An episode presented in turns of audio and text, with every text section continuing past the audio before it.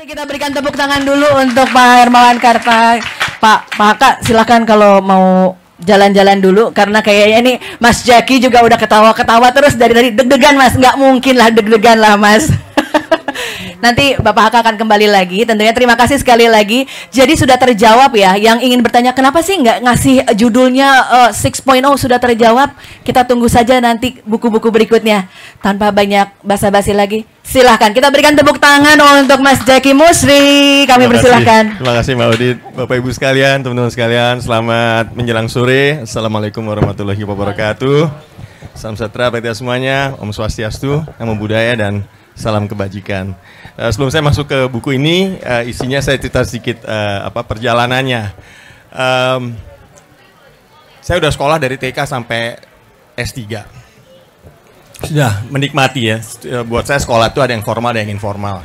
Dan saya masih terus in dengan orang-orang yang di non akademik untuk belajar terus. Susah sekolah itu ya, tapi kita fun aja ya karena suka sekolah lah ya. Nah itu yang pertama. Kedua, em, saya nulis buku ini. Ini kan trade book ya. Yang menarik adalah apa? Dulu waktu saya sekolah, pertama kali belajar ilmu marketing itu ada textbook setebel ini nih. Yang menjadi acuan dari semua, hampir semua business school yang mengajarkan marketing di dunia. Saya lihat ada orang situ, uh ini namanya Philip Kotler nih gitu ya. Saya baca textbooknya sampai habis, sampai footnote-nya, sampai indeksnya semua saya baca deh rasanya gitu. Karena saya suka baca. Ih gila nih orang, gitu kan. Selama kemudian ketemu sama beliau sama Profesor Phil Kotler dan sama sing itu ketemu di Jakarta dan dia memberi pertanyaan pakai jasnya gitu ya dengan orang udah tua gitu ya dia tanya eh Jackie kenapa ya persepsi Indonesia di Amerika waktu itu ya "Eh, kok kurang bagus? Dia bilang gitu sambil makan siang. Saya nemenin berdua aja sama dia. Terus saya ditanya sama profesor kayak begitu nih yang textbooknya yang bikin kita lulus sekolah gitu ya. Kan susah nih pertanyaan mesti gimana nih ya? Akhirnya saya jawab sama dia prof kayaknya tuh pertanyaannya cocok anda tujukan ke CNN saya bilang begitu Kenapa mesti ke CNN dia bilang gitu? Nah waktu itu Indonesia lagi banyak teroris tuh yang meledakin bom ini itu apa macam-macam lah gitulah ya. Terus saya bilang harus ke CNN kenapa? Karena waktu itu CNN lagi dominan nih, jadi sumber berita di mana-mana. Dia tanya kenapa CNN? Ya karena kok ada bom meledak di Indonesia, CNN akan menginterview terorisnya, menginterview adiknya teroris, kakaknya teroris, teman baiknya teroris, ibunya teroris, semuanya yang pro dengan teroris itu. Sehingga persepsi Indonesia ini negara teroris. Saya bilang gitu. Nah, ini ngomong profesor yang udah kita anggap sebagai the father of modern marketing ini. Dia berhenti makan, dia ngeliat saya. Dia buka jasnya, dia ambil buku kecil, buku catatan. Dia bilang, ayo ngomong terus. Sama dia omongan saya dicatat. Waduh. Pelajarannya apa? Gak ada kata tuh berhenti sekolah, gak ada. Gak ada kata bahwa kita berhenti belajar. Dan kita lihat profesor sekelas dia pun kalau dia mendengar sesuatu yang baru, dia belajar juga. Seperti Pak Hermawan juga. Seperti itu. Nah beberapa teman saya yang juga profesor kadang-kadang tidak seperti itu kadang-kadang ya. Kalau dia udah jadi S3, udah profesor, saya sisi akhirnya ke beliau. Ngirim email pribadi ke saya. Saya gemeter bacanya, ini apalagi nih, deg-degan jangan mau dimarahin apa lagi nih ya. Karena dia baca word by word semua yang ada di manuskrip. Ini udah mau terbit nih, kalau dia minta berubah lagi mampus gue gitu kan. Kenapa yang dia omongin menurutnya pikir, wah gila nih dia ngomong gini. Dia bilang bahwa, Jackie, ini buku ini kayaknya cocok banget deh sebagai kelanjutan dari textbook yang sudah 16 edisi yang saya tulis. Bilang, wow, itu the best moment buat saya karena terus terang aja dia ngomong begitu ya, dia nulis textbook dan saya ngerasa bahwa textbook ini udah mestinya harus di, di revamp deh. Tapi nggak gampang merevamp textbook perlu waktu kan. Ternyata ngomong begitu dan akhirnya di quote oleh di dalam forward oleh uh, Russ Klein. Russ Klein itu adalah dulu uh, uh, CEO-nya ini apa banyak perusahaan-perusahaan gede dan dia menjadi presiden dari American Marketing Association mantan. Dia bilang bahwa ini harus baca nih orang setelah baca textbooknya Kotler yang 16 itu. Itu backgroundnya. Dan Kotler sangat word by word dia lihat, wah dia kritis banget ya. Ya, udahlah nggak lawan lah ya. Itu yang pertama dengan profesor kelas dunia. Kedua ada Profesor Hidianwan. Kita perlu orang kayak Profesor Hidianwan. Apa tugas utamanya beliau buat saya? Pokoknya tugas dia buat saya adalah apa? Men-challenge semua yang menurut saya benar. Jadi dia men-challenge saya, Jackie, lu bener nih mau masukin contohnya Elon Musk. Kenapa, Prof? Karena gini, wah, wah, alasannya bisa 3000 ton. Dan bener. Aduh, ini nyambut nama Elon Musk dari buku ini urusannya panjang nih. Ya kan? Ya. Habis itu setelah debate segala macam, akhirnya apa? nggak dimasukin contohnya Elon Musk di situ. Jadi mulai dari chapter 1 sampai terakhir mesti lagi ada Elon Musk mesti dikeluarin lagi semua nih. Dan ternyata apa? Keputusannya bukan karena kita debate, enggak. Dia memberi masukan itu dan saya nanya sama orang lain di luar kita yang nggak ada urusannya sama buku ini. Nanya ke anak-anak muda segala macam. Eh kalau anda denger Elon Musk gimana? Wah itu nggak ada yang seneng gitu. Ternyata untuk mereka itu yang membuat ah nggak usah masukin deh. Akhirnya sampai indeksnya harus dicari tuh nama-nama Elon dikeluarin lagi tuh. Terus kemudian Widen One. Dia mempermasalahkan tuh, Jackie, ini kita pakai or aja, jangan n. Itu masalah tuh buat dia. Misalkan professionalism or entrepreneurship, jangan pakai n aja karena kontroversinya udah. Lagi alasannya bisa 3000 ton lagi dan valid semua. Kita perlu orang kayak gitu untuk membunuh kita kasarnya gitu deh kalau perlu. Dan itu yang membuat kita jadi berpikir terus ya. Capek memang, tapi enak ada orang kayak gitu. Jadi hal-hal seperti ini, ini tugasnya beliau ya. Jangan gini nanti gini, waduh pertimbangan macam. Nah ini baru dengan dua orang ini. Pak Hermawan ini udah terkenal sangat meticulous banget. Ditambah dua orang lagi. Nah tamatlah riwayat saya gitulah ya kurang lebih itu ya. Kebayangan ya. Nah udah masih ada lagi nih. Nah ini yang mungkin saya nanti akan share kapan-kapan dengan teman-teman mahasiswa, dosen, siapa pun lah yang suka buku ya tentang pengalaman nulis dengan world class publisher pengalaman paling berharga. Saya harus ketemu dengan sekian banyak editor dan editornya itu eat, sleep and dream militan sekali dengan yang dia kerjakan. Contoh ada satu editor khusus buat apa? Footnote. Dia nggak ngeliat apa? Ngeliatnya footnote doang. Footnote. Jadi dia ngecek, eh Jackie footnote ini gini karena gini. Foot ini footnote. Padahal di bukunya ada footnote berapa biji coba? Kita aja males ngeliatnya footnote gitu kan dia mereview footnote word setiap footnote gila nih orang ada satu editor khusus terkait dengan copyright itu lebih militan lagi juga dia. Ada satu editor khusus kenapa content refinement. Gila juga dia kerjanya.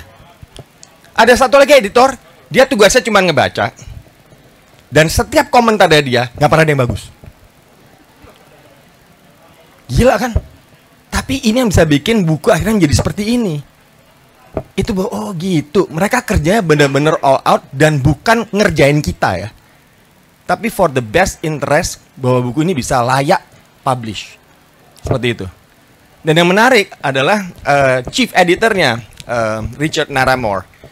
Dia yang bahkan memberi judul ke appendix Bukan saya yang memberi judul Karena apa? Kita kan takut-takut nih. Kita kasih ada Indonesianya, ada Bagong Semar Petro. Ini gimana? Ada gitunya juga kan? Tapi ternyata bilang, no, no, just put in an appendix. I think this is gonna be the title. Dia kasih title. Wah, itu nggak usah rubah titlenya. Tuh yang tertulis di situ yang Indonesian mythical symbol. Ada Indonesia. Terus saya seneng banget gitu lah ya.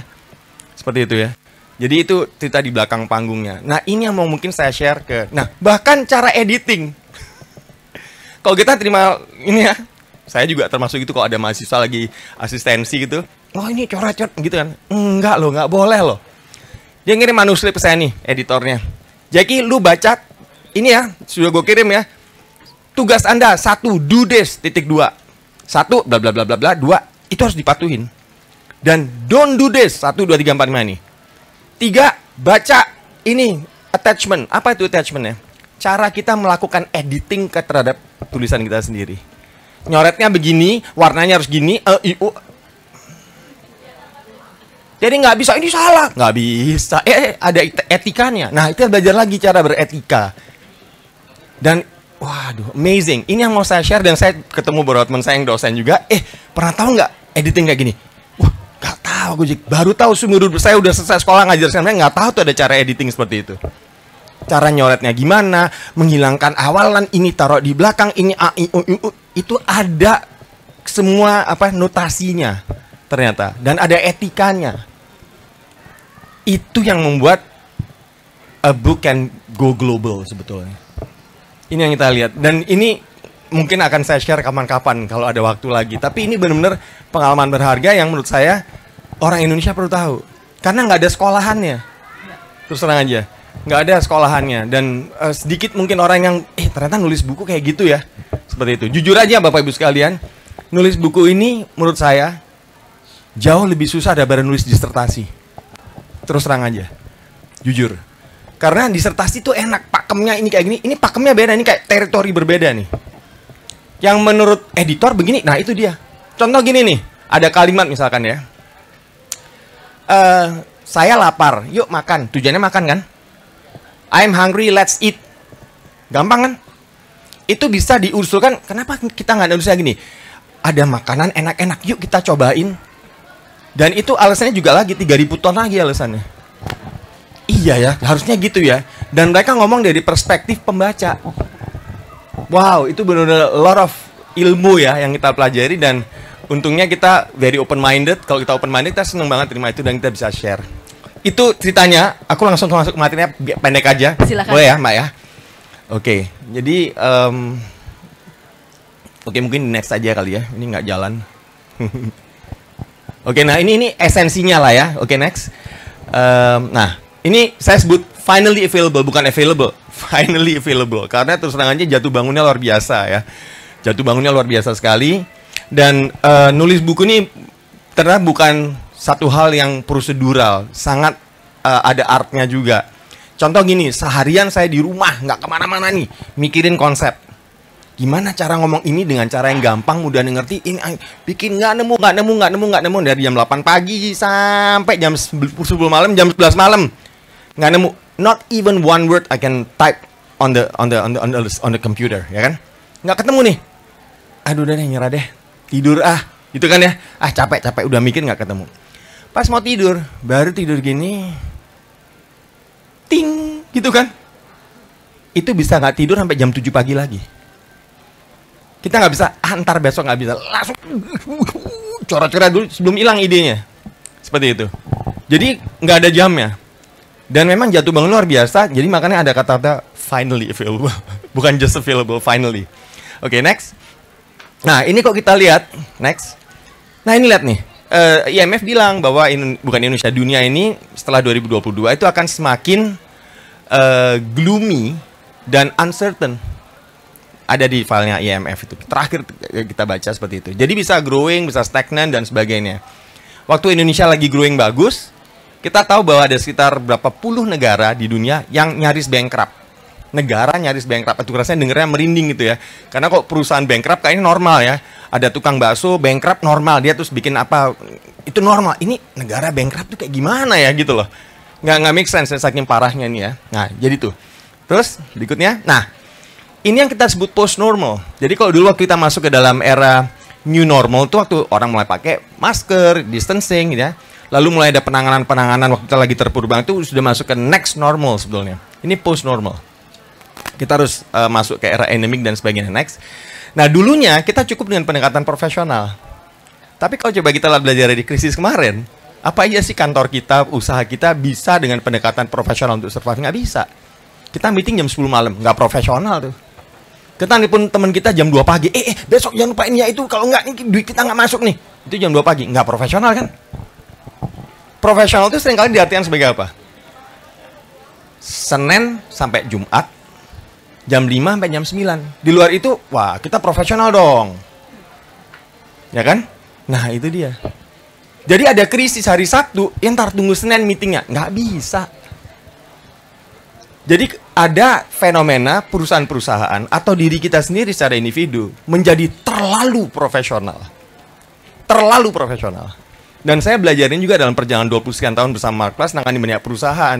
Saya yang bikin risetnya, penelitiannya, ketemu kesimpulannya, gila nih perusahaan ini bahaya banget. Saya presentasi ke board of directors, kita ini nggak ikut punya perusahaan, nggak ikut punya saham, nggak ada kepentingan. Itu aja deg-degan gitu loh. Waduh, eh, Pak, ini eh, deg-deg-deg-deg gitu ya. Lututnya bergetar gitu. Kita nggak ikut punya perusahaan tuh. Tapi di dalam meeting mereka relax aja. Oh gitu ya. Baik. Nanti kita wacanakan, kita considering dulu. Tolong ini di disposisi.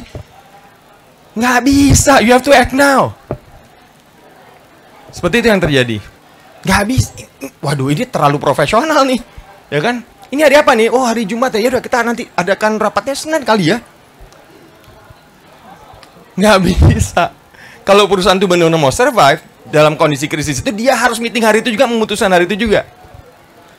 Nah ini, sehingga akhirnya kita perlu pendekatan yang kita sebut berikutnya ini yang entrepreneurial, lebih entrepreneurial. Nah, orang suka salah nih, entrepreneurial itu gimana sih? Entrepreneurial bukan berarti seseorang itu punya bisnis sendiri.